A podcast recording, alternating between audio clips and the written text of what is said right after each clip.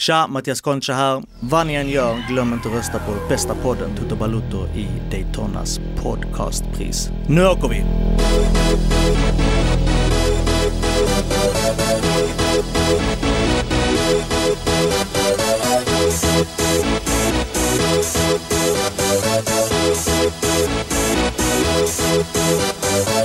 Y'all ready for this? Det 25 avsnittet av Toto Balutto är här med officiellt igångsparkat. Jag, Gusten Dahlin, har alltid sällskap av min vapendragare Thomas Wilbacher, men idag så har vi eh, en gäst med oss, alltid lika roligt. Ska du kanske presentera honom? Absolut, eh, det är Mattias Concha. Det blir en snabb presentation, vi ska göra en faktaruta med, med Mattias. Men varmt välkommen till eh, Toto Balutto. Tack så jättemycket. Hur är läget? Lite trött i skallen. Jag är uppe i Stockholm nu på en utbildning här så att det är två, två långa dagar som, eh, som sitter i skallen nu men eh, man krigar på. Vad är det för utbildning? Det är en eh, managementutbildning som eh, dels har ekonomi, ledarskap, eh, allting egentligen eh, i ett stort paket som vi ska lära oss.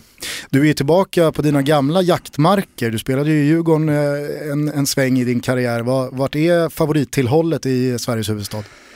Oj, ehm, jag bodde på Kungsholmen där jag trivdes väldigt eh, bra de åren så att ehm, någonstans där, ja, centrala, centrala delar kan man säga. Men jag, jag hade fina år i Stockholm verkligen. Thomas, eh, vi har ju jobbat tillsammans med Mattias tidigare, men eh, om du bara snabbt får beskriva Concha, vem är han? Concha är en före detta fotbollsspelare som är mycket mer än en fotbollsspelare. Jag förstår att du gör det jobbet du gör nu. Jag förstår att du har hoppat in på eh, sportcheferiet.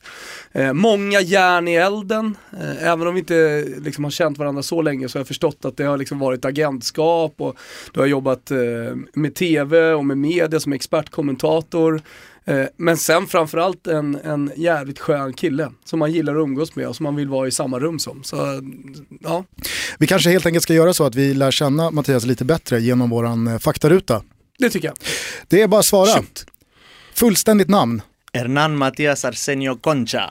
Sexigt. Mm, betydligt sexigare än Gusten Dahlin. Ja, och, Ja, eller eh, Thomas och, en, Wilbacher. och en del andra gäster som vi har haft här. Björn-Olof Lund har ju inte riktigt samma eh, densitet här när det kommer till eh, det, det, det romantiska som det där namnet. Nej. Ålder. 36. Var är hemma för dig?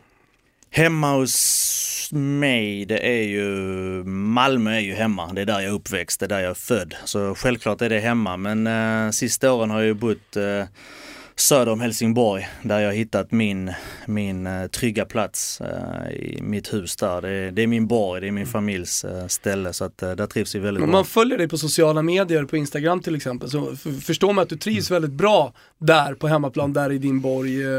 Du har din, din fru också väl som, som har någon form av verksamhet i, i trakten också. Ja exakt, hon har en verksamhet nere i vår, vi har ganska stor källare så hon har ju sitt private shopping koncept där som hon, hon har jo- jobbat in fint. Så att, eh, nej men vi, vi har ingen anledning att lämna vårt hem faktiskt. Vi är sällan, eh, vi rör oss inte så, så mycket i Helsingborg eller Malmö mer om vi verkligen måste. Så vi har så mycket att göra hemma.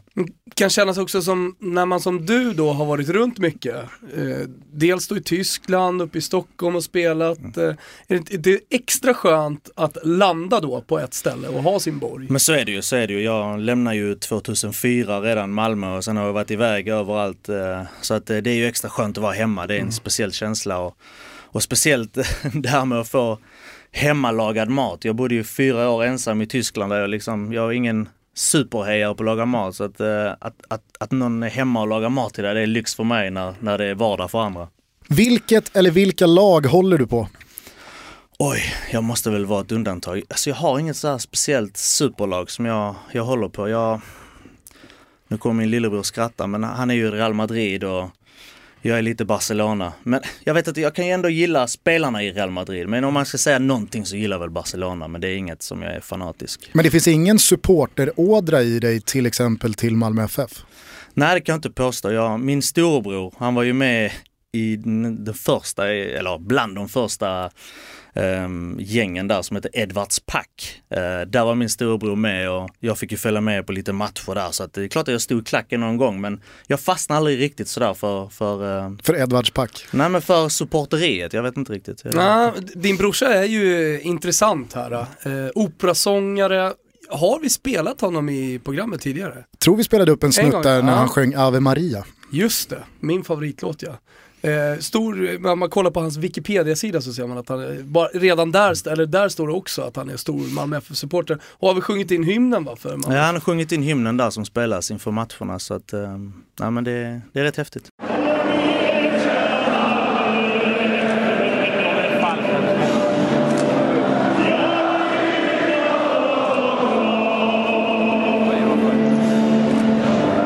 Okej, du kanske inte håller på något lag sådär riktigt förutom Barcelona, men finns det något lag du verkligen inte håller på? Oj, oj, oj, oj. Som du kanske rent av föraktar? Um, nej men. Helsingborgs IF, det är väl, det sitter ganska ingrott. Det, det gör det. Är man ur MFF-are så, så är det konstigt att säga något annat. Det, vi får lära oss det ganska tidigt i, i MFF att där, där är, där är hotet. Och vart är det du bor idag? Strax söder om Helsingborg, det är viktigt att säga. Jag bor inte inne i Helsingborg. Du är inte välkommen in i staden. Favoritspelare genom alla tider? Jättesvår fråga också. Ehm, Jag har vaga minnen i mitt pojkrum att jag hade, det var 94, då var jag 14 år. Det är väl då det här idolskapet började lite grann och då var ju VM. Så jag minns att jag hade lite planscher uppe på Romario. Jag minns att jag hade en bild på Maldini. Så att eh, det var så att två spelare som, som satte sig lite hos mig. Um, sen har det ju varit fina spel efter det men inte någon sån som jag verkligen såg upp till. Jag, jag, inte riktigt, jag är väl inte den där traditionella Vi är ju typ samma ålder, ett år äldre än dig. Jag hade ju, jag hade ju Marco van Basten till exempel som vi har pratat om i det här programmet tidigare. Så, så väldigt, väldigt stark eh, idol sådär. Eh, men eh, jag kände ju när jag växte upp eh, när den engelska fotbollen var väldigt sådär, uh, den var utbredd, intresset var stort i Sverige. Ehm, att, att jag gick liksom till den italienska på grund av hur man spelade fotboll, det var mer tekniskt och ja, men annan typ av fotboll som tilltalade mig mer. Kunde du känna något liknande nu när jag hör dig säga Romario och, och eh, Paolo Maldini? Nej men det, det var väl det VMet som satt hårt. Jag, jag tittar mycket på det, jag är 14 år, du sitter uppe. Jag, de spelade, det var i USA va, så att det spelades sent på kvällarna eller hur det var. Så satt man uppe och tittade på det här och då, och då fastnar ju vissa, Brasilien har ju alltid fascinerat. Det är ju en speciell fotboll som spelas där och det går fort och det är tekniskt och det är annorlunda. Så att det, det var väl alltid en, en eh, space som var trevlig att titta på. Ingen eh, spelare som huserade i Sverige som du gillade lite extra? Nej, inga kan komma på. En subtil diss till eh, 80 och 90-talets svenska fotboll. Intressen utanför den här sporten då? Det blir mycket, mycket familj, eh, barnen tar eh, stor del, eh, umgås med vänner tar stor del, tar hand om hemmet. Vi har ju en del att göra hemma med trädgårdar och, annat. Om jag inte minns fel så är väl du också en jävla hejare på paddle. Ja, paddel spelar jag. det är väl en, en sport som jag har börjat med de senaste två åren faktiskt. Eh, ordentligt. Man, när man slutar spela måste man hitta något attribut för att träna och springa i parken är väl inte sådär superupphetsande alltid och då tycker jag paddel är väldigt trevligt. Har du till och med tävlat? Men jag är med i eh, HPL heter den. Jag pendlar mellan elitserien och division 1. Vi är lite för dåliga för elitserien och lite för bra för division 1. Så Vilka är vi? Jag och min partner. Okej. Olof Mellberg är väl en av Sveriges bästa paddelspelare va? Ja, han är, han är väldigt, väldigt duktig. Han började ju redan, tror jag, om jag inte minns fel, redan när han var i Spanien. Så att han hade ju tio års försprång. Thomas, Thomas Brolin är väl också en annan fotbollsprofil som eh, kör mycket paddel. Ja, han spelar rätt mycket vad jag har förstått. Han, det- fick, ju, han fick ju spö eh, i Ekvalls turnering här. Vi vann med 8-0 så att han fick, eh, fick smaka där på skånskt läder. Lite rörligare i Conchas gäng. Kanske. Eh, den här frågan brukar folk ha problem med, i alla fall att ta på uppstuds. Men finns det någon person utanför fotbollen som du ser upp till? Den är jobbig på uppstuds, jag håller med. Den är ganska jobbig på uppstuds. Många hemfaller till eh, familjen eller någon nära vän eller eh, mamma, pappa. Nej, men en person jag skulle vilja lära känna bättre, det är egentligen min farfar. Ehm, han dog när jag var ung och han hade ett intressant liv. Eh, jag skulle vilja lära känna honom mer och kanske följa med lite i hans tid och det han var med om. Vad var det kortfattat? Vad var hans USP? Ja, men eh, vad ska man säga? Eh, många strängar på lyran men eh, en dummare. Han var en landshövding också i, i ett viktigt område i, i Chile också så att eh, det är en person jag, jag tycker lite synd att jag inte fick lära känna mer. Hur är annars din koppling till, du, du nämner Chile här, hur, hur, hur är din koppling dit idag? Min koppling dit idag, det, min pappa är chilenare så att eh, jag har mycket, mycket familj där. Ehm, och sen så på grund av avstånd är det inte så att man åker dit över helgen direkt. Nej. Så att, eh, men jag var där senast för ett och ett halvt år sedan och, och träffade lite släktingar och, och annat. Så att, eh, det var trevligt. Och du pratar spanska? Jag pratar spanska. Är Chiles landslag idag en, en sån här gyllene generation? Eller ser du Chiles landslag fortsätta vinna Copa America och kanske i fortsättningen gå längre än vad man har gjort i VM-slutspel? Alltså jag är imponerad av vad Chile har gjort. Första året de vann tänkte man, vad är detta? Hur kan de slå de stora nationerna? Men sen när man gör det två år på raken, då, då är det ju ett bevis att någonting håller på att hända där. Statusen på den chilenska spelaren ökar. Innan har det ju varit, eh, de dyra spelarna varit argentinare och brassar, men nu um, har verkligen chilenska spelaren kommit ikapp och jag är lite svag för den chilenska traditionella spelaren. Vi pratar eh, Alexis Sanchez, vi pratar Arturo Vidal, de egenskaperna, det, de tycker jag är härliga i en fotbollsspelare. Hur står sig den chilenska ligan? Jag tycker den är bra. Jag tycker den är bra. Jag var, jag, som jag sa, för ett och ett halvt år sedan var jag där och också i, jobbsyfte och träffa min partner som jag har där nere och, och eh, verkligen gick igenom alla ligorna och ända ner till division 3 och titta på massa matcher för att få en liten idé om hur ser det ut här och hur ser en spelare ut, vad kostar de och vad har de i lön och allt sånt här som hör till. Så att eh, det är en bra liga tycker jag. Toppen är, är stark. När du säger jobb, eh, eftersom du är sportchef för Öster nu så kanske det är folk som undrar, vad är, vad är det för typ av jobb? Nej, det var på den tiden, för ett och ett halvt år sedan, eh, började en agentverksamhet och då tänkte jag hur ska jag kunna nischa mig? Eh, Var, um, vad finns det inte så mycket i, i svensk fotboll? Det finns inte så mycket sydamerikaner. Det var lite brassar som kom in till Kalmar och, Mm. och Örgryte på, eh, för tio år sedan ungefär. Och, så tänkte jag den, den chilenska spelaren till exempel, varför finns det inte så många här i Europa? Och ehm, kanske kan man utveckla det så att ehm, jag lärde känna folk där nere och tänkte att här kanske man kan göra någonting. Och så på så sätt kallar jag det min partner. Jag är uppvuxen i division 4 södra. Då mötte vi ofta Los Copuies, eh, Rapa Nui och alltså, de här chilenska lagen från söderort. Eh, De kunde ju se verkligen olika ut från match till match eller från säsong till säsong lite grann. Eh, Under sommaren så kunde det helt plötsligt ha kommit in då tre, fyra chilenska spelare som var topp, topp. Som kom till Sverige, kanske för att jobba, de hade träffat flickvän här och, och så vidare. Eh, men där var ju, du pratade om en speciell spelartyp. Alltså, det är ju verkligen någonting helt annat i blodet på, på chilenarna. Men jag kan säga så, förra sommaren så tittade jag på en U20-turnering där eh, Chiles U20 var med och de släppte inte in ett mål på hela turneringen och vann. De joggade hem den och då var det extremt bra motstånd. Så att eh, ja, kombinationen teknik, fart, kamp, den tekniken och den, eh, den kombinationen är härlig.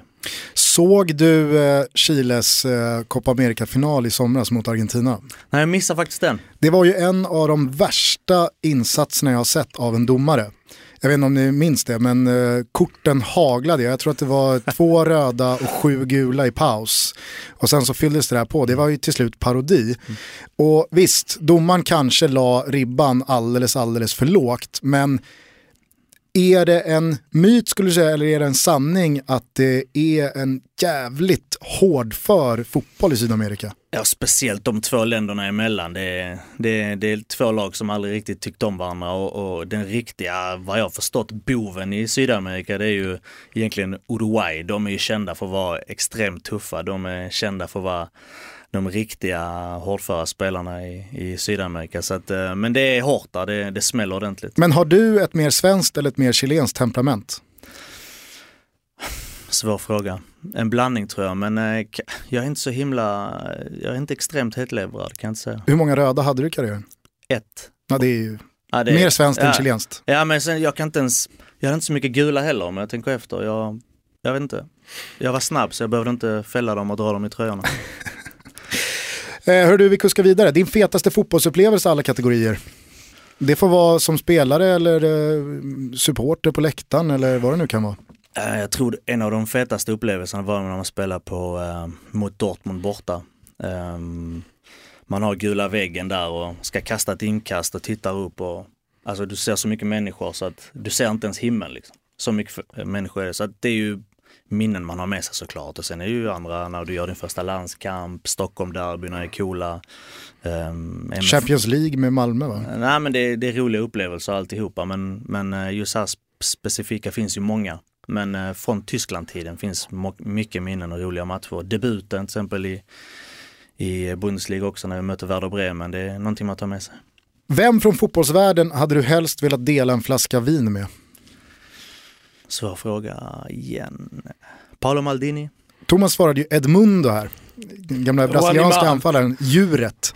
Jag hittade ett konto idag på Twitter som heter Football Players with Animals. Lägger bara upp bilder på kända fotbollsspelare som poserar på något sätt med djur. Det är ganska många svaga bilder, någon står bredvid någon häst och Manuel Neuer är på något zoo. Och... Här kommer en schimpans va? Exakt, så i den där flödet så hittar jag då Edmundo när han står med en schimpans i armen och häller ett glas öl ner i eh, schimpansens mun. Mm. Klart starkast bild. Men eh, Paolo Maldini, absolut, det kan jag tänka mig hade varit ett, eh, ett fint samtal. Snyggaste fotbollströjan genom tiderna? Ja, vi tar Malmös, Malmös hemmatröja med lite sponsorer på. Den är, den är clean och fin. Mm. Malmö har ju sån jävla bra bas att stå på rent tröjmässigt. Det är lätt att göra snygga ställ i Malmö. Med himmelsblåa menar du? Mm. Ja, det är, ju, det är ju lättare att göra någonting med eh, marinblått, med blått eh, än kanske gult. Jo men det finns ju vissa klubbar som har sina färger där det är lite säsong till säsong. Ibland får man till det, ibland inte.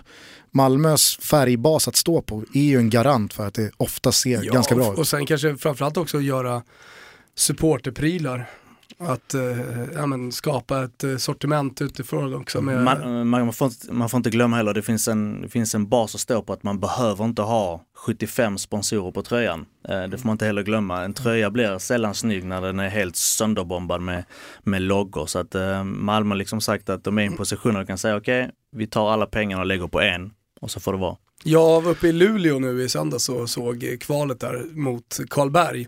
Då satt det några på läktaren med då den officiella matchtröjan som är såld med alla sponsorer. Alltså det är ju det är 20 sponsorer på, det ser ut som en bandytröja mer eller mindre. Och det gör de ju för att överleva. Ja, så är det ju. Ja, där kan man ju ta sig hela vägen upp i allsvenskan till typ Falkenberg. Den är ju ökänd för att du, du ser knappt den, den är gul för det är bara sponsorer ja, nu hela. Som, nu som sportchef så kanske du vill se så mycket sponsorer för att det kanske är verkligheten i öster också. Ja men så är det, vi är ju en sits där vi, vi behöver varenda spänn och vissa kräver en plats på tröjan men, då, men eh, det är klart, man kan styra eh, saker och ting, det kan man. Alldeles strax eh, tillbaka till Österspåret, först ska vi bara ta den här i mål. En match som du skulle vilja se men som du ännu inte har sett? Det är väl någon match i, i Buenos Aires, eh, Boca Juniors derbyt där. Det jag tror det är en, en väldigt cool match att se. Fistbumper Thomas Wilbacher Conchar. Ja men han svarar likadant som jag gjorde på den här frågan. Om inte Lionel Messi eller Cristiano Ronaldo fanns, vem tycker du är världens idag bästa fotbollsspelare? Iniesta. Iniesta? Iniesta, han är fin alltså. Jag har ja. inte gillat honom. Spännande att se hur han kommer tillbaka här från sin första ordentliga skada på jävligt länge här nu som han drog på sig för några veckor sedan. Det, det, någonting i mig är lite orolig för att den här skadan kan ha varit början på slutet för Andres Iniesta. För en spelare som befinner sig just i det, ja, men i det skeendet av karriären, när man börjar bli lite gammal, vad händer när, här, när de här skadorna börjar komma. De lite allvarligare skadorna. Det, kanske, det kan väl du relatera till också, att eh, det är lättare att komma tillbaka från en skada när man är 22 än när man är 32. Ja men så är det ju, man, man vill inte åka på dem. Jag åkte på några i slutet där och de är jobbiga att ta sig tillbaka till. Du har kommit upp i en rytm, kanske spelat några matcher, sen åker du på en skada och då, då, måste, då är du nere på trappsteg ett igen mm. och så, då blir vägen lång tillbaka. Sen är det väl också så att ju äldre du blir, desto mer börjar tränare och kanske kanske personer i din roll, alltså sportchef, tänka på en framtid. Att det finns eh, en, en lucka att fylla här, en mantel att axla och att man då kanske börjar matcha in en, en, en arvtagare. Men så är det ju, så är det ju. Man, man får kolla, man får ju ta hur mår spelarna, hur gamla är de, hur, hur ser det ut här, vad tror vi, hur, hur länge kan de spela på den här nivån? Så att, eh, det är klart att man har det i beaktning. Ska vi bara snabbt, eh, för att eh, inte frångå våra traditioner allt för mycket, påminna folk om att idag är det den 15 november och eh, hylla par få födelsedagsbarn. Idag fyller ju till exempel då Gustavo Poirier år. På tal om då Uruguay och landet som i Sydamerika kanske spelar hårdast. Kommer du ihåg Poirier? Nej, jag kommer ihåg honom. Nyligen sparkad från Real Betis. Han har ju fått sparken två gånger här i år. Eh, I våras fick han väl gå Kämpa. från AIK Aten. Jävligt spännande att se vart Gustavo Poirier landar. Eh, men sen så fyller också Ove Rösler Så är det spännande att se vad på er landar. Det är alltid spännande att se, som idag till exempel, det var ju första ryktet Känns egentligen. iskallt. Idag fick man ju höra första ryktet om Hamrens nästa destination när det blossade upp ett litet Norge-rykte. Nu var väl han ganska tydlig med att eh, slå hål på det ryktet. Men tränare som har haft det jobbigt är ju alltid spännande att följa i deras nästa steg. Och Pojedo som har en jävligt fin karriär på CVt kanske nu börjar ifrågasätta så pass starkt att eh, mm, Ja, ja visst, jag menar bara namnet kanske är kallt eh, så här, generellt sett. Eh, Bara kort med Hamren, har du någon relation till Hamren? Har ni era vägar stötts på eh, någon gång under karriären? Ja men det har du ju. Det är en, dels eh, innan tv-jobbet här, för, för, ungefär när han tillträdde, då är jag god vän med, med deras sjukgymnast då, Rickard Dahan. Och vi träffades på något evenemang där eh, när jag hade brutit benet om jag inte minns helt fel. Så där snackade vi lite grann och sen träffades vi lite under under sommarens EM också. Snackade till och med lite i sändning där också så att eh, klart. Men Det- vad, vad, är, vad är din syn på hans eh, så här, sista tid i, i, i landslaget? Eh, Det kändes ju som att han var så otroligt pressad och eh, hela tiden eh, obekväm i, i, i förbundskaptensrollen nästan, i alla fall utåt sett. Ja, men det, var, det är lite som du säger, det var lite taggarna utåt, det var lite jobbigt att få frågor och, och sådär. Så att, um, ja, men det har du helt rätt i, han kändes lite stressad. vart tror du han landar? Ingen aning, jag är faktiskt inte säker om, om han vill ha ett landslag eller han vill ha mer kontakt varje dag som i ett klubblag, det, det vet jag faktiskt inte. Så att vi får se. Den känslan fick man ju själv i alla fall under Hamrens sista år. Att han nästan mellan raderna sa att jag vill tillbaka till klubblagsvardagen och ha ett lag varje dag. Ja men det, det är så, de är ju vana vid det och helt plötsligt ha ett lag eh, två, tre dagar i månaden istället, det, det är en stor omställning. Så att, eh, det är mycket väl att det kan vara sug efter det. Skit i Hamrén, Uwe Rösler fyller år också. Du har ju bott och levt i Tyskland. Eh, hur, hur stor är Rösler-gubben där? Eller är han iskall? Vem är det förresten? Ja, du säger ju allt. Uwe Ja. Rösler, någon eh, relation? Nej, alltså, absolut ingen. Gamla östtyskar Ja. som lirade i city på Ja. 90-talet. Ja, Ja, ja, det är för finsmakarna. Ja, men det, det, det är ett namn liksom som fladdrar förbi men som man inte stannar riktigt till vid. Sen kanske han har en jätteintressant historia men, men eh, den har frångått mig i alla fall. Ja, ja, ju mer jag skannar här, Patrik Mboma, Mm. Josemi, John Heitinga. Död dag alltså. Ja, 15 november är en kall jävla Sen födelsedag. vet man ju att du har ju missat någon stor, för det gör det ju alltid. Ja, så är det ju. Min sida här, Born Glorious, är inte att lita på. Men eh, ja, eh, 15 november går ju inte till historien som eh, Toto Balottos bästa födelsedagsdag någonsin. Nej. Okej, idag är du sportchef för Östers IF. Får jag vara så fräck så jag ställer frågan, hur fan blev det så?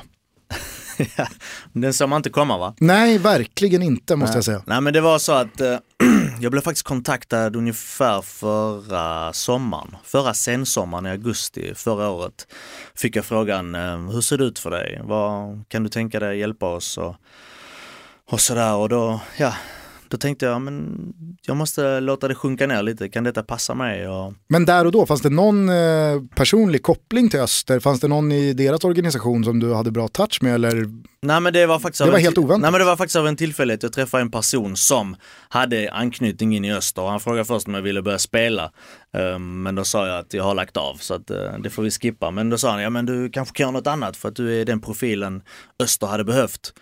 Och, och då började han, skulle han prata vidare med folk in i öster och så träffade jag ordförande några veckor senare. Och sen eh, den perioden för ett år sedan, eh, ett och ett halvt år sedan, det var ganska rörigt i öster. Det var vad jag förstått i efterhand, eh, jobbigt med ekonomin, det var folk som inte riktigt var, visste vad de skulle göra, man hade åkt upp och ner i serierna, man var ganska, Ja, sportsligt så var det ju en liten lågpunkt alltså. ja men det var det och sen så, jag minns att jag faktiskt var där, jag blev faktiskt ditbjuden för, för att se anläggningen och så här och så minns jag att det var en en cupmatch mot, eh, nu kommer jag inte ihåg exakt vad de hette men det var något lag från division 4. Uh, ett änga gäng. Ett riktigt änga gäng där och då förlorade de den matchen och tänkte, då satt jag verkligen och tänkte, ska jag verkligen ta över det här laget? Alltså det slog mig verkligen två, tre gånger. Ena sidan ser man möjligheterna här, det, det kanske inte kan bli så mycket sämre, ja, och, samtidigt ja, utmaningen. Och det var rätt skönt, man var liksom nere i bassängen och vände mm. där kände jag. Det kan bara, man kan bara flytta uppåt och, och någonstans var det kanske det som triggade igång en tanke, men det är någon gång man ska gå in i en sån här klubb så är det väl när man är längst ner påminner ju lite, eller aktualiserar ju lite här ordspråket om att eh, kris och möjlighet heter samma sak på kinesiska. Exakt. Det tycker jag passar in här. Hur är det på spanskan egentligen? Är det samma?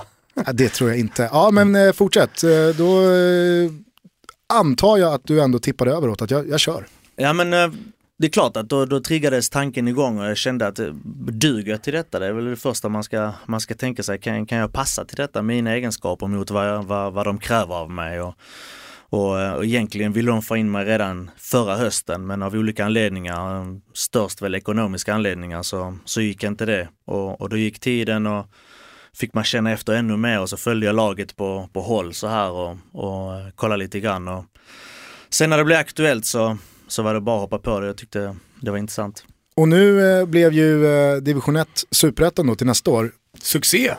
Ja, är det Concha-effekten? jag vet inte, det är någon som myntade uttrycket men eh, man får ju hoppas det kanske. Kanske inte ännu. Jag har inte hunnit sätta min prägel eh, riktigt eh, så mycket ännu. Men jag fick kom till ett dukat bord. Men det är klart, eh, på något sätt har man... Eh, jag, jag gillar det här med med att bygga ett lag, både på planen och, och framförallt vid sidan av, att, att få folk vid, vid sidan av att, att, uh, att vara motiverade, att vilja någonting, att inte, att inte vara trötta och, och, och, och vara nöjda utan det här ska vi ha proffsigt, vi ska någonstans, vi måste ha mål och verkligen, och verkligen sikta dit. Så att det jobbar jag på, att mina medarbetare ska, ska känna sig liksom motiverade och glada. Och, men hur känner du, du som faktiskt har varit och touchat på agentskapet mm. också. Idag vet vi att det är mycket tredjepartsägande inom fotbollen. Eh, det är väldigt mycket om man kollar verkligen även på den högsta nivån, agenterna som styr och ställer rätt mycket i fotbollen med Jorge Mendes, med Mino Raiola eh, och så vidare som bygger lag. Det finns mycket sportchefer, kan jag bara relatera till den italienska fotbollen, eh, som har eh, agenter, liksom vissa agenter bara som man jobbar med så att säga. Hur ser du på det och alltså dels din egen erfarenhet men, men i, i framtiden också mot, i lagbygget? Jag tror det var, det var nyttigt att jag provade på lite agentskapet. Det där var också så här, eh, hur passar, hur passar detta mig? Kommer det vara jobbigt? Kommer det, vilka är de positiva grejerna? Vilka är de negativa? Och vissa grejer är skitroliga med, med det såklart men men när jag får välja mellan att, att köpa en kamel och sälja en kamel så köper jag hellre en kamel än att försöka sälja en kamel. Mm. Men eh, jag undrar lite så här, tvivlade du själv på huruvida du var fit eller inte för en sportchefsroll när du inte har varit sportchef tidigare? Nej, nej, det tvivlet hade jag inte. Jag, jag hade inte gett mig in i det om jag inte trodde jag skulle göra det jäkligt bra. Men som du säger, jag har ingen erfarenhet. Jag är ung för att sitta på den positionen i den klubben. Uh, så att det, jag vet ju vad det innebär. Um, och, och eh, jag tar... Monchi var också ung när han började. Mm. Ja men det, det, är ju någonstans du måste börja och tycker att uh, Öster CF är en uh, fantastiskt bra um, ställe att lära sig på och, och ta erfarenhet. Du som kollade då nischen som agent att ta in mm. chilenska spelare, kan vi nu se då en, en flod med chilenare in i Öster till nästa säsong? Nej, flod vet jag inte men absolut kommer det komma in kommer det säkert komma in de, de här åren som... som Många röda kort i Superettan nästa år. Nej men något kul ska vi säkert kunna hitta, mm. tycker jag. Om du ser på Öster som klubb, eh, det är ju en alltså, jag tror för väldigt många yngre lyssnare som eh, hör det här, en, en storklubb som man kanske inte riktigt vet om. Är Östers IF en eh, sovande jätte?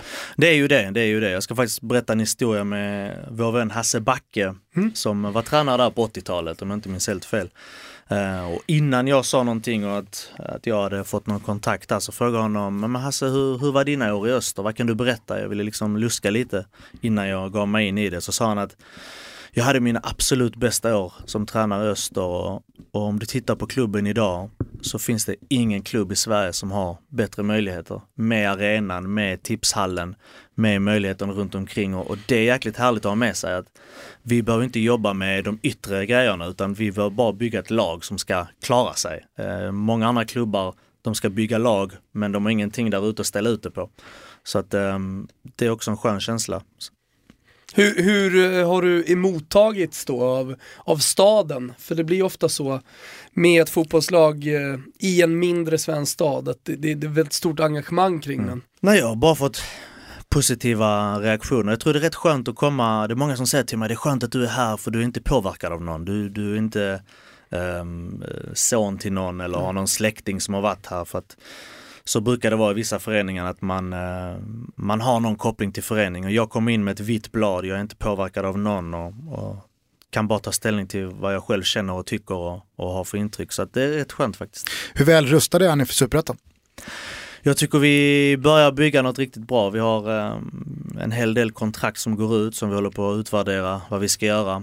Um, vi håller på att sätta delmål och slutmål och allt det här så att vi, vi, nästa steg, vi måste ju sikta, jag tycker inte vi ska vara blyga, vi ska sikta på toppen av superettan tycker jag att vi, um, vi har kraft till att, att göra. Allsvenskan 2019, är det att ta i?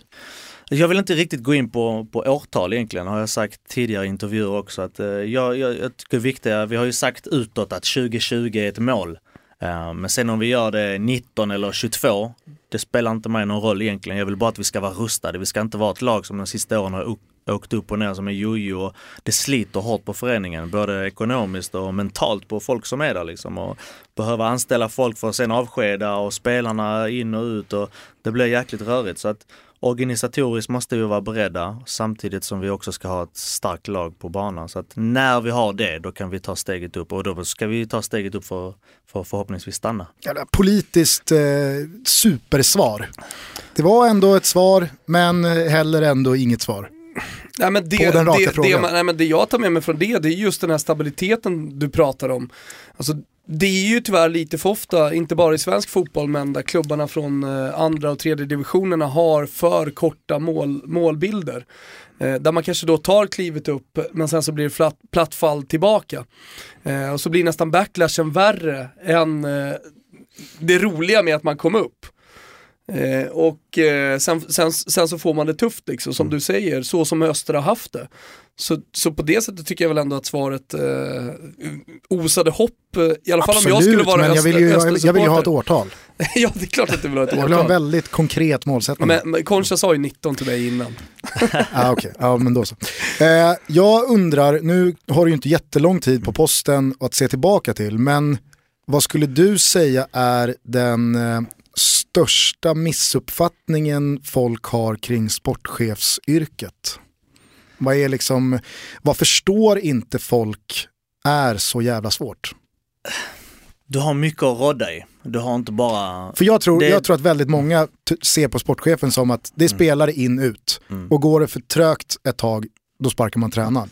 Och Nej, that's it. Men riktigt så är det inte, det är, det är mer än så. Alltså, framförallt är det ett pusslande. Du ska pussla med laget, vilka ska in, vilka ska ut. Det är ett pussel. Sen ska du pussla med tränarkonstellationer.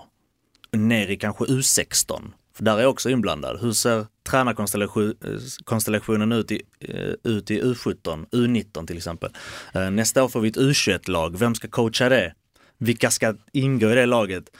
Um, ja, det är ju en del fotbollsmässigt. Sen helt, helt, plötsligt hamnar du med sponsorer. Så ska du prata med sponsorer. De vill veta hur ser det ut inför nästa år. Och sen så är det några investerare som är på andra sidan som säger vad, vad händer där? Så att det, är ju, det, är ju, det är ju roligt på så sätt. Det, det är väldigt, uh, vad ska man säga?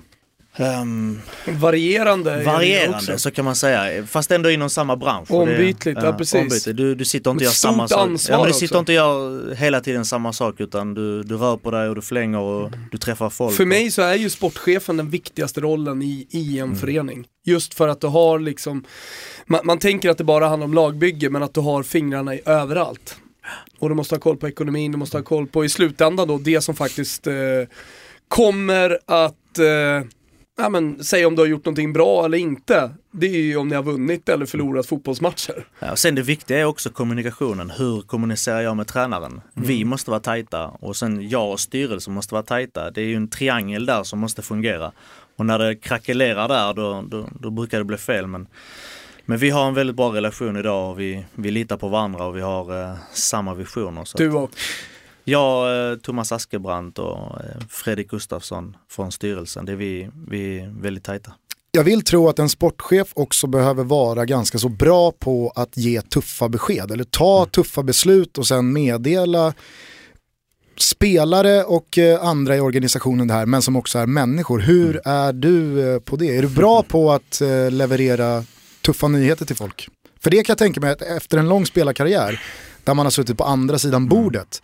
Det blir verkligen eh, andra sidan av myntet. Här. Det som är ganska skönt är att det var inte så länge sedan jag var fotbollsspelare så jag vet ungefär så här funkar det. Detta kan en spelare ta. Detta ska han ta på ett positivt sätt ändå. För att i slutändan är det vad är bäst för fotbollsspelaren? Han kanske inte får spela så mycket här nästa år. Vill han verkligen vara med om det eller vill han ta ett steg och, och verkligen spela fotboll? För man måste ju hoppas att det är det de vill. Så att det är klart att det, det, är en del tuffa beslut men är man, är man inte beredd på de besluten, för det är så det fungerar i den här branschen, du, du flyttar ju på dig och du byter ju klubba ofta i din karriär så är du inte beredd på det någonstans så ska du inte hålla på med det heller.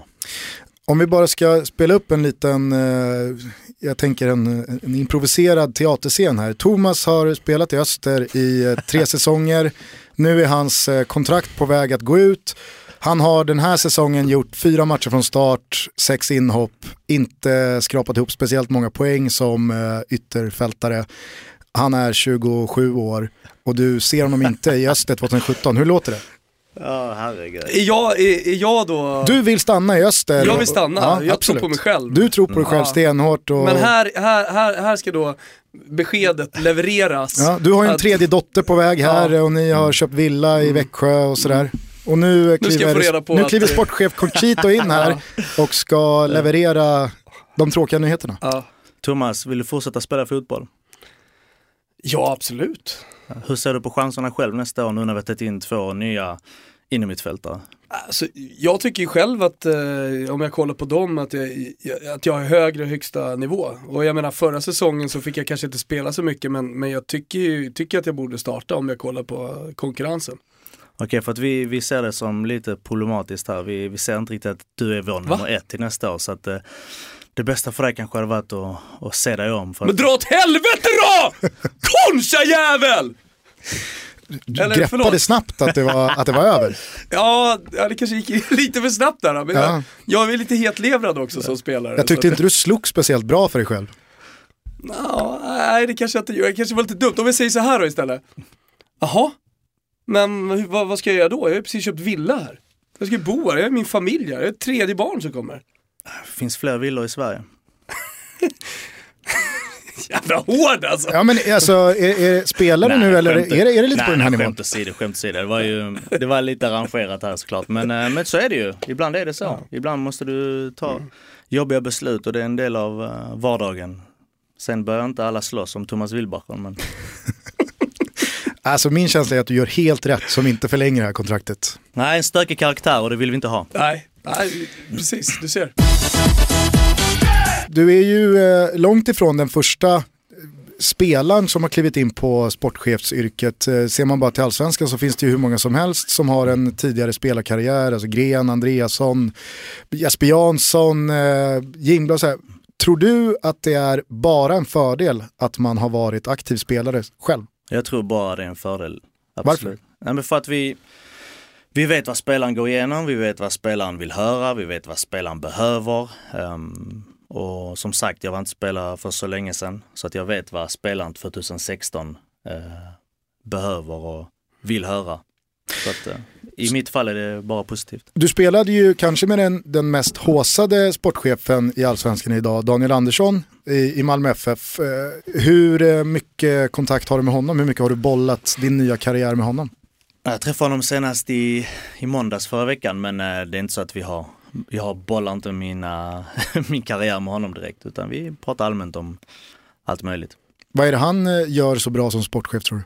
Men han är en smart, eh, smart kille med, med mycket erfarenhet men sen har han ett fantastiskt nät omkring sig. Han, eh, han är redan på en stor plattform, han har ekonomin, det är alltid enklare att, att arbeta när du har mycket pengar. Annars är ju en gammal klassisk tagline, more money, more problems. Mm, fast inte, inte inom fotbollen, då kan det nästan bara bli, fast du måste ändå vara smart med dina pengar. Jag vet att Malmö har fått in mycket pengar nu och jag vet också att de är de, eh, de håller ändå pengarna, de är, de är rädda om dem. Vad tänkte du när man sålde Kjartansson i somras? Alltså jag, jag tänkte att de är inte dumma, de vet. De köpte honom för en peng och de vet om att tar de inte det här budet nu så, så, um, så kommer de inte du få var dem. pro det, den Nej men jag, ja, egentligen ingenting. Jag, jag brydde mig inte så mycket faktiskt. Jag, Daniel Andersson han har säkert rä- räknat ut att de skulle vinna utan honom så att, uh, det var ingenting jag la så mycket energi vid. Innan vi släcker ner Österspåret så finns det lite lyssnarfrågor här till dig. Okej? Eh, Oskar Järnek undrar vem du ser som eh, truppens viktigaste spelare. Och då måste vi säga just nu, för nu har han en hel vinter på sig att bygga den här superettan-truppen. ja just nu, um, svårt att säga men um, Jonathan Drott uh, har varit uh, en spelare som, um, som jobbat hårt för oss, som, som har varit navet på mitten tycker jag. Han har varit uh, otroligt nyttig för oss. Och det är en kille vars kontrakt går ut också så det, det håller vi på att diskutera. Kommer inte bli samma dialog där som med dig. Känns inte som det va? Han kan köpa en fet villa i Växjö snart. Emil Holmgren undrar om du har hunnit med att testa oxgrillen i Växjö. Nej det har jag verkligen inte gjort. Verkligen. Annars är det ju väldigt, väldigt mycket snack om det här PM eh, som ligger på, på den stora gatan. Eh, har du hunnit med att testa Ja den har jag inte hunnit med. Det, det är en trevlig restaurang och även eh, de har ju någon takterrass bar Mm. uppe också som också är fin. Så att, eh, bra, bra drinkar, bra Ja. kvalitet. Där var jag med Ulf Einarsson, före detta spelare i Hammarby bandy Mm. och firade hans 30-årsfest. Det var ett riktigt drag alltså. Eh, Men eh, en av, en av Stockholms, eller vad säger jag, en av Sveriges tio bästa restauranger det är enligt White Guide som precis har kommit ut. Ja, det är ju Mm. eh, starka papper. Rickard Paris, han undrar om det finns någon sportchef i Sverige eller utomlands som du ser upp till. Sevillas sportchef. Monchi har vi ju hyllat här i Toto Balotto för några avsnitt Är det så? sedan. Ja. Ja. han har gjort det fantastiskt bra i en klubb som Sevilla och år efter år hålla den nivån och, eh, och kunna komma. Sälja och ändå Nej, men- liksom få in spelare. Exakt, så det, det är en skicklighet. Det en Han är lite av skicklighet. en alkemist. Han är duktig. Han har en utköpsklausul på 10 miljoner euro. Vad Oj. är din på? Min är på eh, en kebab på Oxgrillen. Hultan, han undrar hur du som sportchef i Östers IF ser på Växjö Lakers och hockeyn i staden. Finns det en konkurrens eller bygger man broar mellan två sporter och är starka tillsammans? Nej, jag, jag har ju fått det där förklarat för mig att Växjö Lakers som har en ny fin eh, arena, de har mycket folk, de vann ju SM-guld också förra året vad, jag, vad, jag, vad jag förstått. Så att, eh, Stökig guldfest va? Det var väl någon sportchef som eh, nitade någon. var det så? Ja, Ja, jag, jag, jag minns det inte i detalj, jag vet bara att den festen, det blev rättegång. Nej men, men äh, åter till ämnet så, så tycker jag man ska egentligen ta vara på varandra. Jag vet att det är två helt olika sporter men någonstans kan man väl känna att är man sportintresserad av hockey då gillar man, eh, man fotboll också. Och vad jag förstått så är det rätt många Österfans som kanske inte alltid sitter på vår arena eh, med tanke på att vi spelar division 1 som har hoppat över. Det ligger ju, det ligger ju 50 meter ifrån arenan och, och, och eh, ja, jag hoppas att vi kan hjälpa varandra istället för att eh, konkurrera mot varandra. Innan eh, vi stänger Österspåret och fokuserar kanske lite mer på din egen karriär då, Mattias. Eh, Det är säkert många Östersupportrar som sitter här och är lite nyfikna på det arbetet som du håller på med. Är det någon spelare på väg in? Är, det, är det någonting som händer här och nu? Vi har signat en spelare i helgen som, som, eh, som vi har scoutat länge, som kommer att bli eh, en viktig spelare för oss till nästa år. Så att, eh, Men vad, vad pratar vi för kaliber då? Alltså är det en, en, det en spelare som kommer gå direkt in och höja laget eller? eh, bra kaliber och eh, jag hoppas en stor framtid som fotbollsspelare. Och när blir det här officiellt? Torsdag, Oj oj oj. Kan du ge oss någonting? ingenting. Ingenting? Wow! Okej, Presskonferens då, och den sitter du på. Eh, det ska jag göra ja. Mm. Okej. spännande. Här kan ni spekulera fritt då. Ni får inga ledtrådar, men eh, en spelare som, eh, ja, det är ett stort namn. Position, Kan inte säga. ålder, Kan inte säga. Gustav, du får ingenting göra. Hårfärg, helt det otroligt. kan du säga. Kan inte säga. Okej. Är det en svensk spelare? Kan inte säga. Jävla bjussig alltså. Det ska du ha Concha. Du Ja. kommer hit och är jävligt bjussig alltså. Ja. Innan någon eh, undrar hur det kunde bli så här så ska vi bara säga till alla som lyssnar att det här avsnittet spelade, spelades in strax innan Sveriges träningslandskamp mot Ungern och det här avsnittet kommer ut efter den matchen är spelad.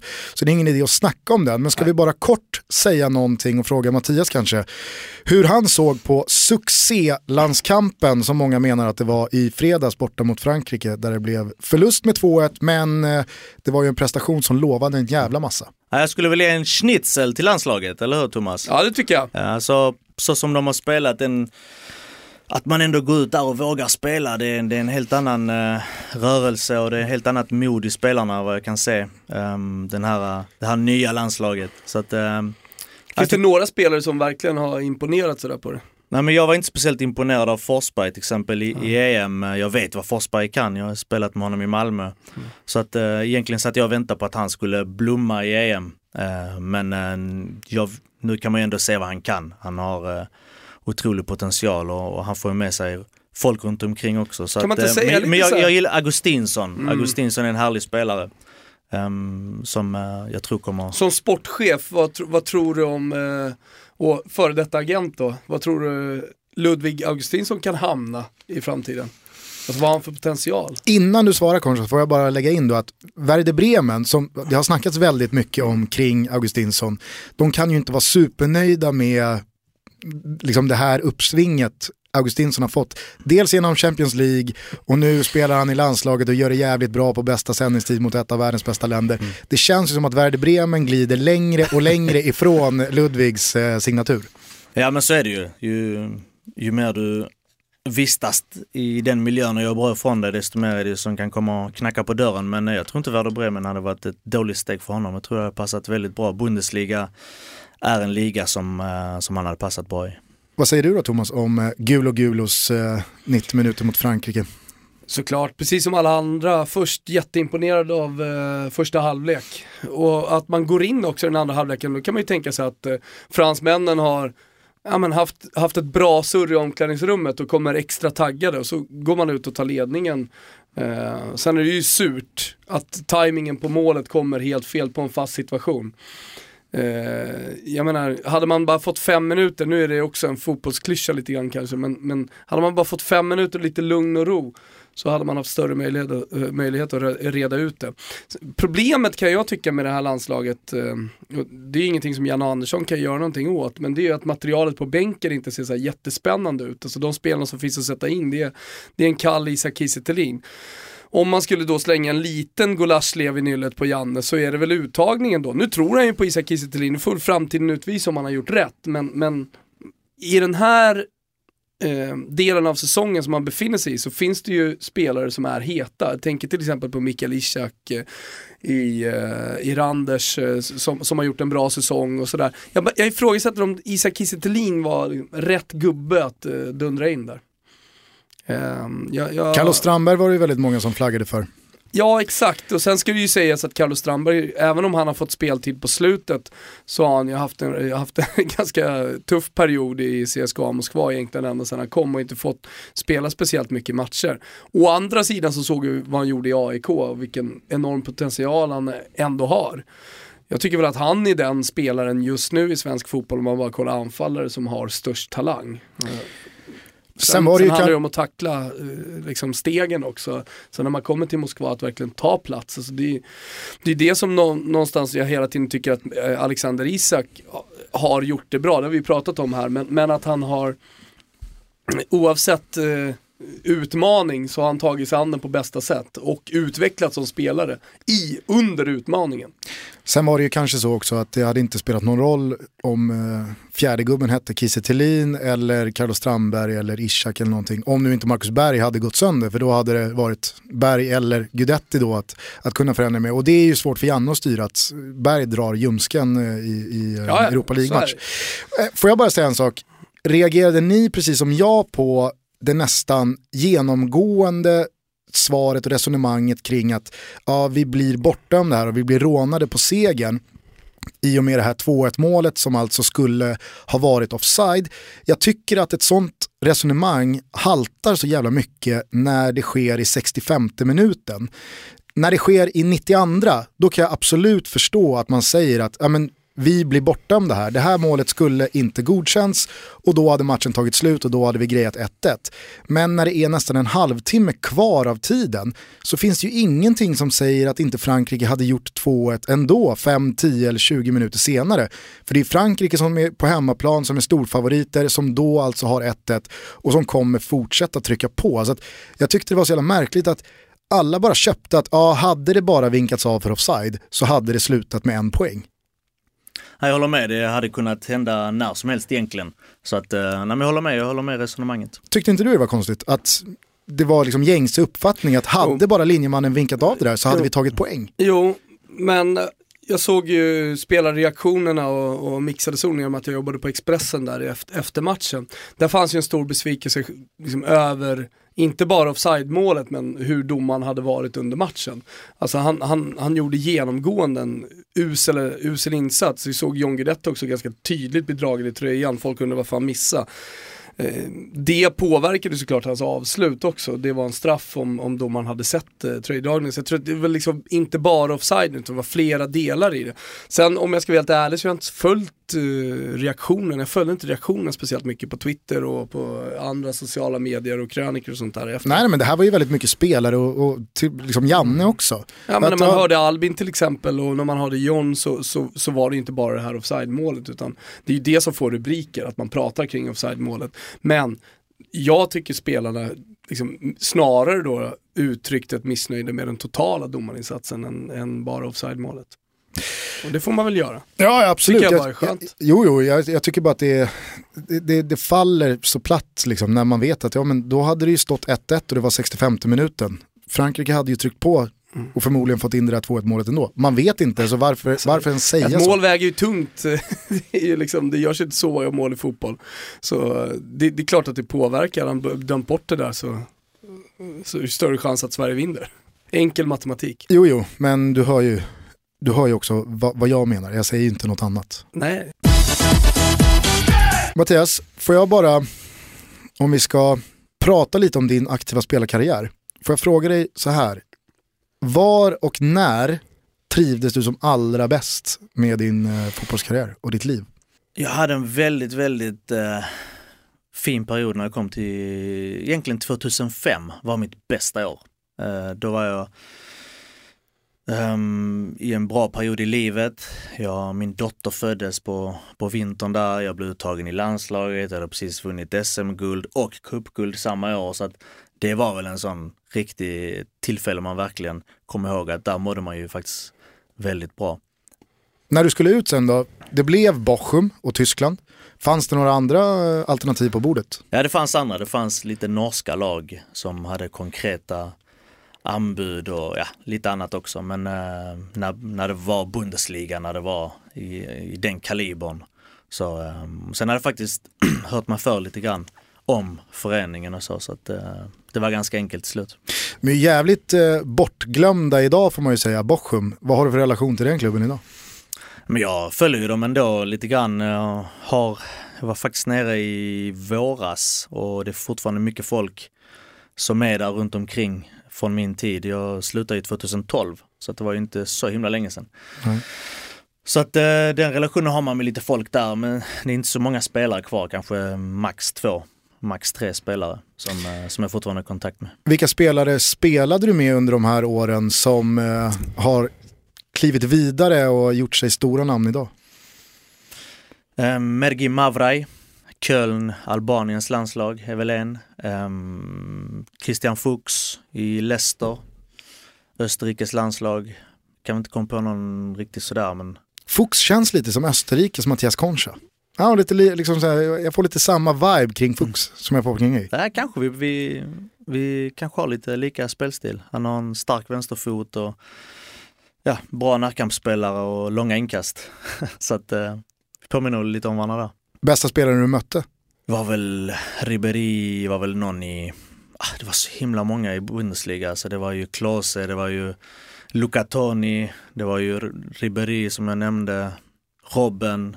Det var många bra spelare som hamnade på, på, ens, eh, på ens sida. Liksom. Åkte ni på någon sån här riktig jävla stjärnsmäll eh, borta mot Bayern? Ja det gjorde vi faktiskt. Vi åkte på en riktig, en riktig smäll eh, en gång. Det gjorde vi. En riktig smäll. Minns du, minns du ditt eh, betyg då i Bild och i tidningarna dagen efter? Nej, nej, det minns jag inte ens. Ja, men jag undrar lite så här, vad, vad, vad, vad blev det i matchen? Uff, om det inte blev 6-0 eller någonting. Okej, när det står 4-0, hur, mycket, hur mycket tittar man på klockan då? Man tittar, man vill bara att det ska, det ska gå fort alltså. Det, alltså lidandet ska gå över. Så, så, så tänker du ju. Och speciellt när du känner i matchen att vi har inte ens bollen. Vi är inte ens nära. Vi har inget bollinnehav. Och sen är det väl just också med Bayern München att du ser att de gör ett byte och ut går Robben och in kommer Ribéry. Ja. Nej men då, så är du lite trött i benen också så kommer han in som är lite pigg också. Nej, fan, det, måste, det måste ju vara, det måste vara en, en eh, vad säger man, skräckblandad förtjusning att spela i då lite mindre lag och så när man ska ut på de eh, största arenorna mot de största lagen, att det kanske, ja det, det, det, det riskerar ju att bli en riktigt jävla jobbig eftermiddag eller kväll och match. Ser man kanske mer fram emot matcherna där man har riktigt reella vinstchanser? Men om jag ska vara ärlig så egentligen var det bara Bayern München som vi visste att här kan det gå riktigt, riktigt illa. Det var nästan så att du kände det är okej Ja, men om, jag, alltså- om jag får var- sitta bänk idag. Nej, det kanske jag inte tänkte. Så, så långt gick det inte. Men, men när vi mötte Schalke, när vi mötte Hamburg, när vi mötte Wolfsburg, där kände vi ändå, här kan vi ju ta med oss ett resultat. Eh, men i den fasen Bayern München var under de åren med det laget, eh, då visste man att eh, innan matchen att nu gäller det att hålla tätt alltså. Hade du kunnat röra dig vidare från Bochum när du väl var ute? Det hade jag kunnat. Det hade jag kunnat. Eh, Jag bröt ju benet där i, i december 2010. Oh, und hier hat sich einer verletzt. Eieieiei, böser Zusammenprall. Junga Muhani hat nichts, aber der Bochumer hat richtig Schmerzen. Rechtsverteidiger Matthias Concha. Da scheint was passiert zu sein. Das sieht gar nicht gut aus. Der hat richtig, richtig Schmerz. Ei, das, brauchen wir doch wirklich nicht. Junga Muhani, ach, das ist doch brutal. Das ist rot und ich hoffe, dass da dann auch ermittelt wird. So geht es nicht. Das hat er schon in der ersten Hälfte gemacht und das hat nichts, nichts mit dem Ball zu tun, wie er hier mit dem rechten Bein durchzieht und dann selber noch runtergeht. Ja, der Kontakt war so intensiv, da hat er sich auch Jag var inne i en eh, väldigt bra fas. Eh, jag var i extremt form när detta hände. Och då var det lite på tal om eh, dels förlängning och dels lite så små frågor från, från andra klubbar. Så att, eh, Var det Tyskland hela tiden då? Ja, det var Tyskland. Det var, det var där de kände till mig så att säga. Nej, men det var ju tråkigt att, att det benbrottet kom ehm, just vid den tidpunkten. Var du bra på att hantera en tuff skada rent mentalt eller var du deppig och bitter? Nej, nej. Faktiskt, det var egentligen min första stora skada kan man säga. Och den var ju inte ens självförvållad. Nej, Nej men för jag har tänkt lite, vi känner ju alla Rami Shaban här inne, har vi jobbat med. Och jag har verkligen, alltså jag kan ibland tänka på det benbrottet han råkade ut för i Ja, men det den var ju väldigt Ja, men vi hade ju exakt samma ju. Ja, men i den stunden han var karriärmässigt, alltså Mm. ett halvår innan så var Arsenal bara en eh, illusion, det var ju dåligt skämt. Och så kommer han till Arsenal, ett fantastiskt Arsenal, och stjärnorna står rätt så att hux flux så är han etta och spelar Champions League och Tottenham Derby och mot United. Och det känns som att, ja men Rami har ju alla chanser i världen här att stå i Arsenal för många säsonger framöver. Och så kommer ett sånt benbrott och vi alla vet vad som hände sen. Det, det, det, det vart väl en okej karriär, absolut, och VM senare och sådär. Men jag har så jävla många gånger undrat hur ofta man tänker på det där benbrottet att fan, om bara inte det där hade hänt. Men det, det är klart man tänkte, vad, vad, alltså, vad hade jag kunnat hamna? Men nu var jag ju, jag var ju inte 23 när det hände. Det får man också ta i beaktning. Jag skulle ju fylla 31 så att någonstans kunde du ju känna att okej jag är 31, ja. Och så redan i mitt huvud tänkte jag okej händer ingenting här då kan jag tänka mig att, att komma hem till Sverige och avrunda i Malmö. Det var min tanke. Så att Ehm, då var ju mitt fokus, bli frisk, eh, ta dig hem. För att du, jag kände väl att det blir svårt att stanna ute. och min situation var också så att eh, jag kände att nu vill jag hem, nu ska jag bara bli frisk fort. Hur är, du, hur är din relation till benbrottet, höll på att säga, men det, det här är ju det, bilderna har ju rullat eh, på internet eh, väldigt mycket. Det är lätt att hitta det här benbrottet så att säga i rörlig bild. Har du själv gått tillbaka och tittat på det? Jag har kollat på det, inte allt för många gånger, men uh, jag måste säga att när det hände, det, det är där jag känner att där, sådana grejer när sånt händer är tyskarna fantastiska. De har en, de har en känsla där hur du ska, hur du ska ta hand om sådana situationer. Jag fick ju, jag låg på sjukhuset i Berlin och så kom sjuksyran in med alltså buntar med mail varje dag från folk i hela Tyskland som eh, skrev långa mail. Som jag, de printade ut? Ja men de printade ut det och, och lämnade vid min sängkant varje dag. Alltså det var säkert ja, 25-30 mail varje dag från, från folk som oh, jag såg ditt benbrott och tråkigt att se bla bla och vi satt där på fjärde bänkraden och vi bara, mm. vet. Så de, de, de, har en relation till det för de, antingen såg de det eller så var de på stadion. Mm. Och eh, ja, och sen i matchen efteråt så Prin sa, ja hur var det nu, just det, vi hade en match efter som jag såg på tv då från säng, sängkanten och eh, och det vinnande målet Bochum gjorde så sprang alla spelarna tog en tröja och sprang runt stadion med mitt namn. Jag menar sådana grejer, det, det, det sker inte så ofta i Sverige va? Nej. Eh, man har väl sett i Spanien någon gång när någon som skadar sig att de går ut och liksom hyllar dem med någon, med någon tröja och så. Jag fick extremt mycket kärlek och när jag kom tillbaka så har de tryckt upp eh, stora grejer på läktarna som de delade ut inför matcherna eller sen när jag kom tillbaka liksom. Så att jag fick mycket kärlek från, från folk där som jag inte tror jag hade fått någon annanstans. Har det så här i efterhand stärkt kanske ännu mer relationen till klubben eller att du känner ännu starkare för, för Bochum? Ja det gör jag ju, de, de stöttar mig. De stöttar mig till och med förlänga mitt kontrakt. Eh, jag hade utgående kontrakt och de sa att vi, vi kommer inte lämna dig skiten här med ett brutet ben utan vi förlänger ditt kontrakt, vi ger dig chansen att, att komma tillbaka och, och det, det kommer jag alltid tacka dem för. Tror du att eh, du kommer vara en sån sportchef som tänker så också? Det tror jag, för jag vet eh, vad, vad en spelare går igenom. Jag, jag önskar inte att man eh, hamnar i den situationen och jag önskar ingen spelare får ett sånt benbrott och sånt eh, riktigt jobbigt avbrott i karriären. Så att eh, är läget så att det skulle vara så, så självklart skulle jag göra det. Har du haft någon kontakt eh, med spelaren som, som orsakade det? Nej men det blev ju rättegång där ju. För att jag fick ju rådet att eh, faktiskt stämma honom. Och eh, jag var väl lite osäker i början. Där. Typ som misshandel? Men, nej, men, ja, typ som att du gjorde med flit. Du hade kunnat göra något annat. Vad hette den här spelaren? Vad hette han? Junga Mohani tror jag efternamn. Jung, jag minns inte förnamnet. Junga Mohani och han var ju hur, hur hade matchen, hade ni haft lite stök mm. under matchen? Ja men han var, han var rätt stökig under hela matchen. Jag har ju mm. fått det förklarat för mig Eh, dels ska vi komma ihåg att Union Berlin har ju rätt hetska fans. Och, jo tack. Eh, de, har, eh, de är rätt bra på att piska upp stämningen och kan man inte hantera det som spelare utan låter sig ryckas med Um, då får du ju problem och vad jag förstod så höll han på att trampa en, Mahir Saglik, en av våra anfallare. Han berättade i efterhand att den här killen var helt galen. Vi hade någon nickduell där han jag låg på marken och han, jag tittade upp och jag såg han komma verkligen sikta med sina dubbar mot mitt ansikte och jag hann precis eh, väja undan. Så att han, han, var ju aggressiv under hela matchen och sen så ja, hamnade vi i en duell och då small det liksom. Ah, Okej, okay. men hur fan blev det med rättegången då? Uh, nej, den, den, den blev ingenting. Den, uh, den, den lades ner liksom. Jag förlorade det som jag hade yrkat på kan man säga. Men, uh, det, det fanns nog... ju två vägar att gå mm. där. Ja. Antingen att ta någon polare och klippa honom. Ja. Eller köra rättegång. Men då valde du ändå rättegången. Jag körde inte Rönninge-stilen där. Alltså. Det gjorde inte det. Nej, men fan, jag vet inte om jag har hört eh, om eh, någon annan eh, incident som har lett till rättegång. Möjligtvis mm. att eh, Alfinge Håland tog eh, Roy Keane vidare rättsligt där. Ja, men grejen var att några år innan så hade det funnits ett fall där de hade gått vinnande ur det. Just för de hade tv-bilder och de, hade, de kunde liksom bevisa att um, det du gjorde var fel. Och det mm. var lite där jag ville komma. Så du kan inte bete dig hur du vill på, på en fotbollsplan. Och, och han gjorde det så pass tydligt. Mm. Han hade, alltså, fotboll handlar om, du tar hela tiden val. Alltså du har valmöjligheter. Du, du, du vet om någon kommer mot dig. Du kan hoppa undan och du vet när du trycker fram dubbarna. Och någonstans så, så hamnade jag i skiten där och, och fick eh, betala dyrt.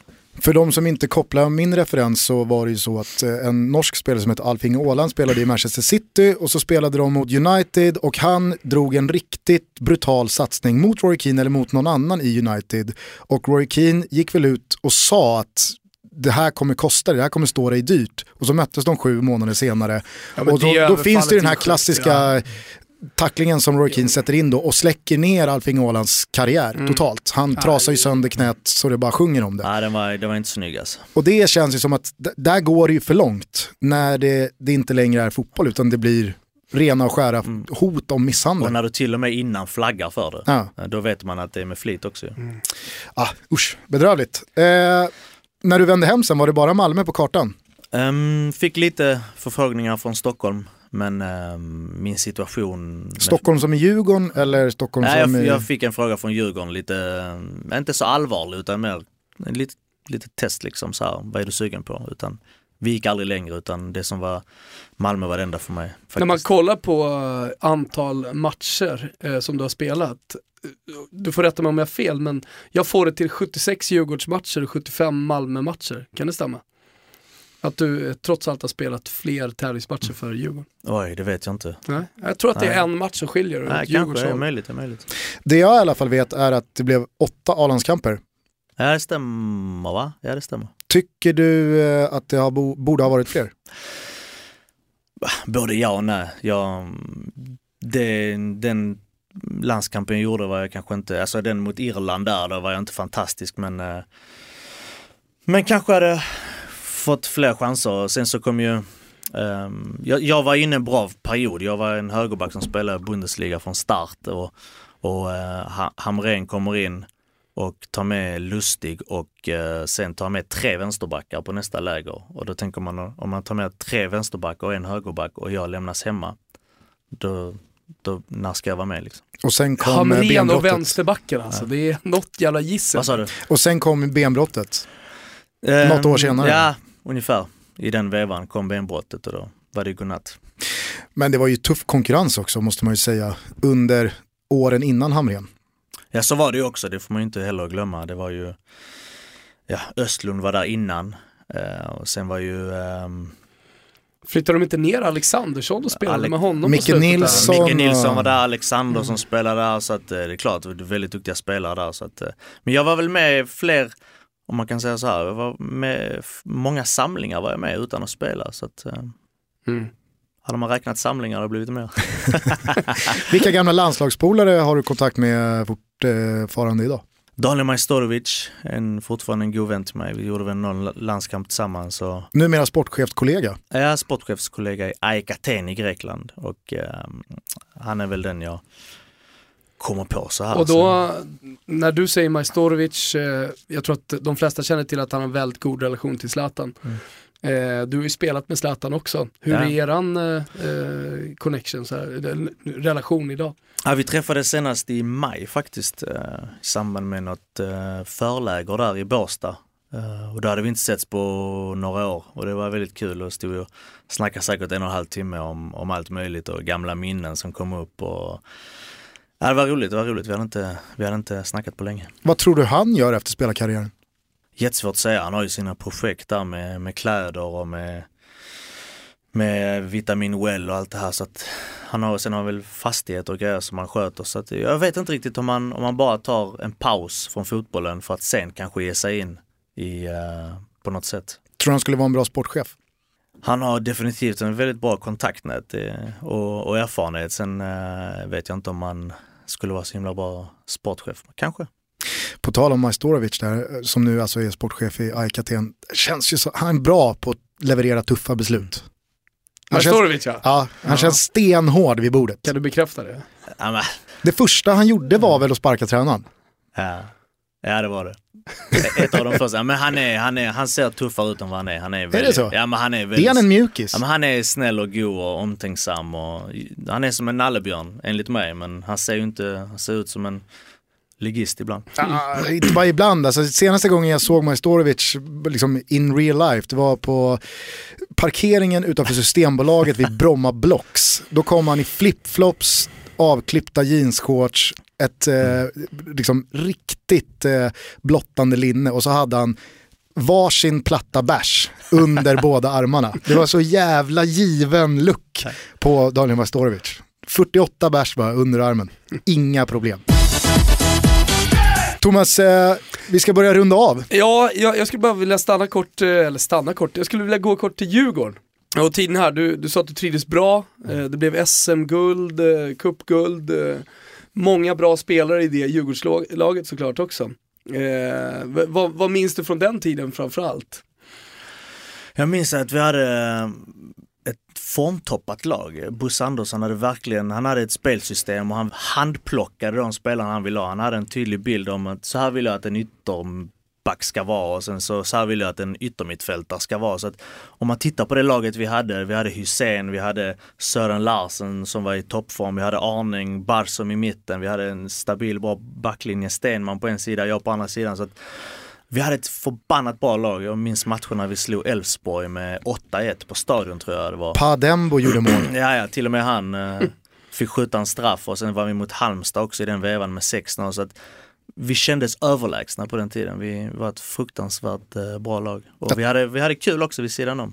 Jag tror att det var en av de första gångerna en klubb betalade tillbaka entrépengen och eh, resekostnaderna till sina supportrar som hade åkt upp för att se matchen. Elfsborg alltså i den matchen som fick den i Tjollan med 8-1. Kjelle Jonevret eh, hade ju du som tränare 05 där. Vad, vad säger om han eh, som tränare? Han har ju eh, precis lämnat Viking Stavanger.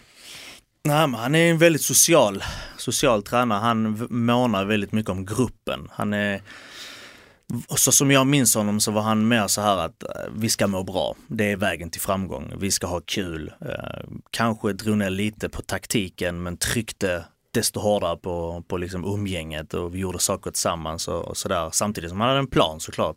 Han hade en idé men eh, vi hade kul och han eh, delade ut Dumleklubbor efter träningarna. Vad letar du i efter en tränare? Är det mer åt det hållet eller eh, håller du det taktiska och den drillningen högre? Nej, högre skulle jag inte säga. Högre skulle jag inte säga. Jag, jag tycker det är det som är det svåra som tränare, att hitta båda delarna. Vi har, jag har haft många tränare genom åren och, och sen har man ju plockat någonting från varje tränare. Vad är den här bra på? Eller vad är den ena kanske extremt taktisk medan han var lite sämre med spelarna. Och, och jag kan känna någonstans att det är ju inne i omklädningsrummet du vinner matcherna. Må bra, få spelarna att trivas. Även, inte bara de elva som spelar utan även de andra att känna sig viktiga, känna att de har en roll i laget. Och där har väl tränaren en stor, eh, stor uppgift men samtidigt ska vi ha en, en bra taktik också. Så att, eh, det är det som är konsten. Men rätta mig om jag har fel, för att de flesta kompisar jag har som eh, antingen har eller fortfarande är utlandsproffs och sen har kommit hem eller nu slutat eller de man har pratat med i jobbet och sådär. De vittnar ju om att det är väldigt svenskt att ha en personlig relation till din tränare och att du är mera människor med varandra. Utomlands så är det mer en, en professionell relation. Det finns inte alls samma vad ska man säga, roll för tränaren i det, det sociala. Nej men de, jag har haft tränare som skiter i dig. Han vill bara ha resultat på lördag. Och behöver han dig så är han trevlig mot dig. Behöver han inte dig så är du luft. Och det är det som är det tuffa när du kommer från Sverige där det inte kanske är den mentaliteten, det stuket, det är där du får, där det krockar lite. Men hur känner du kring det då? Gillar du det eller känner du vad fan? Nej men jag tycker att så ska du inte heller behandla dina spelare. De ska ju ändå, de ska ju inte bli behandlade som luft. Utan eh, det ska finnas en dialog tycker jag. De ska kunna gå till tränaren och säga, du, varför får jag inte spela? Vad kan jag göra bättre? Det är ju det det handlar om, att man som grupp ska ta sig framåt. Jag ska ge dig ett exempel på det, Jürgen Klopp. Titta på när hans avbytare hoppar in i matchen. Hur kommer de in? Titta hur, hur de, nu har jag inte kollat extremt eh, mycket på Liverpool men i Dortmund minns jag hur han liksom stod och eldade upp dem på kanten och de sprang in som, som eh, galna hönor och bara ville hjälpa sitt lag och, och de kom inte in som, som eh, deprimerade. ehm, Ja, de är ju adrenalinpumpade av bara helvete. och det är det jag menar, det är ju det, det är där du vill ha en avbytare som kommer in och förändrar, som kan göra någonting för ditt lag och, och, och komma in som en, som en hängig tulpan och, och, och är sur för att du inte får spela. Det kan du inte heller ha, så att han är ju verkligen mästare på att få avbytarna och, och eh, verkligen vilja och känna att de tillhör laget. tycker jag man ser också efter matcherna när man eh, kollar Liverpools matcher nu. Och man ser hur han verkligen kramar om alla, han tar sig tid för alla, även ledarna också, inkluderar alla. Och det är det jag menar, skapa laget, få alla att må bra. Jag tror på den vägen. Jag, jag förespråkar det. det så jag gillar att ha tränare som du kunde prata med, som var schyssta, du skulle fortfarande ha respekt till dem. Du skulle inte tappa respekten, du skulle inte vara som bästa kompis, men du skulle kunna prata med dem och de skulle ha en respekt för dig, för dina åsikter också. Så att, um, jag, jag värdesätter det i alla fall. Vem är bästa tränaren du haft? Bästa tränaren? Oj, om jag bara ska säga taktiskt, nu får ni hålla i er, Tom Prahl. Ja, men det är... Alltså, så som han styrde upp vårt lag i början av 2000-talet, så som han fick oss, jag, jag, kan gilla det någonstans, vi visste exakt vad vi skulle göra. Vi, bollen bestämde vad alla skulle göra, så han liksom satte bollen, han satte upp 11 man, så ställde han bollen på olika ställen på banan, så sa han, hur gör vi här, hur gör vi här, hur gör vi här? Sen när matchen kom och bollen var där så visste alla vad de skulle göra. Så att den här automatiken, jag tror man arbetar mycket i Italien mm. med, med taktiken, vad du ska göra när bollen är var, vem gör vad. Och, och, eh, den automatiken tror jag spelare också trivs med, i alla fall i det defensiva jobbet. Det finns ju en anledning till att Tom Prahl har sin SM-guld på CVt. Mm. Ja, men han är skicklig där, även han har också sina brister. Han var kanske inte lika social och bra på det sättet. Psykologin med spelaren eh, var okej, okay, men den kunde ju varit bättre. Men som sagt, man kan inte vara bra på allt. Jag ska bara säga, det blev inte speciellt många mål, men det första allsvenska målet som du gjorde, det var ju typiskt nog då eh, släkten är värst eh, mot eh, Malmö FF på Stockholms stadion när du spelade i Djurgården. Djurgårdsbacken Mattias Concha gjorde så här inför nästan 14 000 personer på Stockholms stadion. Drömträff och kandidat till årets mål för den förre Malmö-spelaren. Johan Arnäng och sydafrikanen Lance Davids som fick chansen från start spelade fram. Ja, jag känner att jag fick bra träff på bollen direkt och jag försökte bara pricka mål. Sen att det blev stolpe, klicka in det. Och sen att det är mitt första någonsin i Allsvenskan, det gör det ännu bättre. Men visst är det årets mål, det kan väl inte bli snyggare den här säsongen? jag vet inte, det är upp till några domare att bestämma, jag vet inte. Hur ja, kändes det? Ja, men det? För det första trodde jag aldrig, alltså jag drog iväg ett skott och chansade bara, vad händer här liksom? Men uh, sen när den sticker upp i klykan bakom Mattias Asp och alla börjar hoppa efter tre och en halv minut. Trodde du ens att det var Nej men det är klart jag inte trodde. Det är klart jag inte trodde och, och jag visste inte heller hur gör man när man gör mål? Vad gör man? Var tar man vägen? Mm. Eh, det är mitt första mål, vilket håll springer jag åt? Ska jag springa någonstans? Ska jag lägga mig ner? Ska jag ta upp handen i luften? Vad ska jag göra? Vad gjorde du? Jag bara sprang, jag sprang in mot fansen. Eh, närmsta väg liksom. Tröjan? Tröjan var på. Kände du, liksom, fanns tanken? Jag drar den. Nej, fanns inte. Minns du om du fick då kritik från Malmö-supportrar där för att du firade målet? ja, det är väl någon som har sagt någonting sådär okay. efterhand men ah, det, jag var i sån chock så att jag visste inte, jag hade kunnat springa lika bra in i in i den här äh, längdhoppsgropen också. Så det blev ett till sen också. Ja, det blev ett till. Summera karriären med två baljor. Mot Helsingborg borta faktiskt. Hur kändes det då? Ja, det var riktigt flaxmål också. Jag har gjort två flaxmål i min karriär. Ja, men det är två fler än vad vi har gjort. Desto fler assist. Ja. Men eh, vad fan, eh, med det så tycker jag att vi börjar runda av. Mm. Eh, vi ska stänga ner så att vi kan titta på Sveriges träningsmatch mot eh, Ungern. Eller förlåt mig, Gul och Gulos träningsmatch mot eh, Ungern. Ja, det är ju framförallt så handlar den här matchen om eh, ja, det som händer innan. När eh, Gabor Kirali, hur han nu uttalar sig. Kirai är det många som känner. Jag vet, det var mycket snack om det under EM. Hans eh, mjukisbyxor ska ju hissas upp i, ja, mot himlen höll jag på att säga. Sen blir det ju faktiskt superintressant att följa utrikeskorrespondentens brorsa Sam Larsson som eh, startar. Eh, vad har du för relation till utrikeskorrespondenten Daniel Larsson? Mycket fin relation, vi spelar tillsammans i Malmö och en härlig kille och han är, han, är, han är god på många sätt. Vad känner du när du eh, lyssnar på Toto Balotto och hör oss ringa upp Turkiet och ja, hör hans minst sagt bittra stämma? han är så rolig. Jag känner båda era, era korrespondenter mycket väl. Vi ska ju snart eh, lyfta in Erik Friberg här också. Ni har väl eh, kamperat ihop? Ja, ja vi, eh, vi har kamperat ihop och haft hyss för oss. Att, eh, nej, men han är underbar. Mm. Spännande blir det i alla fall. Eh, du pekar på mig och vill säga något? Nej, jag bara pekar på dig. Ja. Mm. Vi ju, gör ju alltid så att våran gäst får bestämma en låt som vi ska avsluta programmet med. Och nu vill jag höra vad Mattias Concha vill avsluta detta 25 Toto Balutto med. Vi avslutar med Los Cadillacs Matador. Matador får avsluta det här avsnittet. Jag, Gusten Dahlin och Thomas Wilbacher säger tack för visat intresse och så hörs vi eh, snart igen. Det gör vi ju. Ciao tutti! Ciao ciao!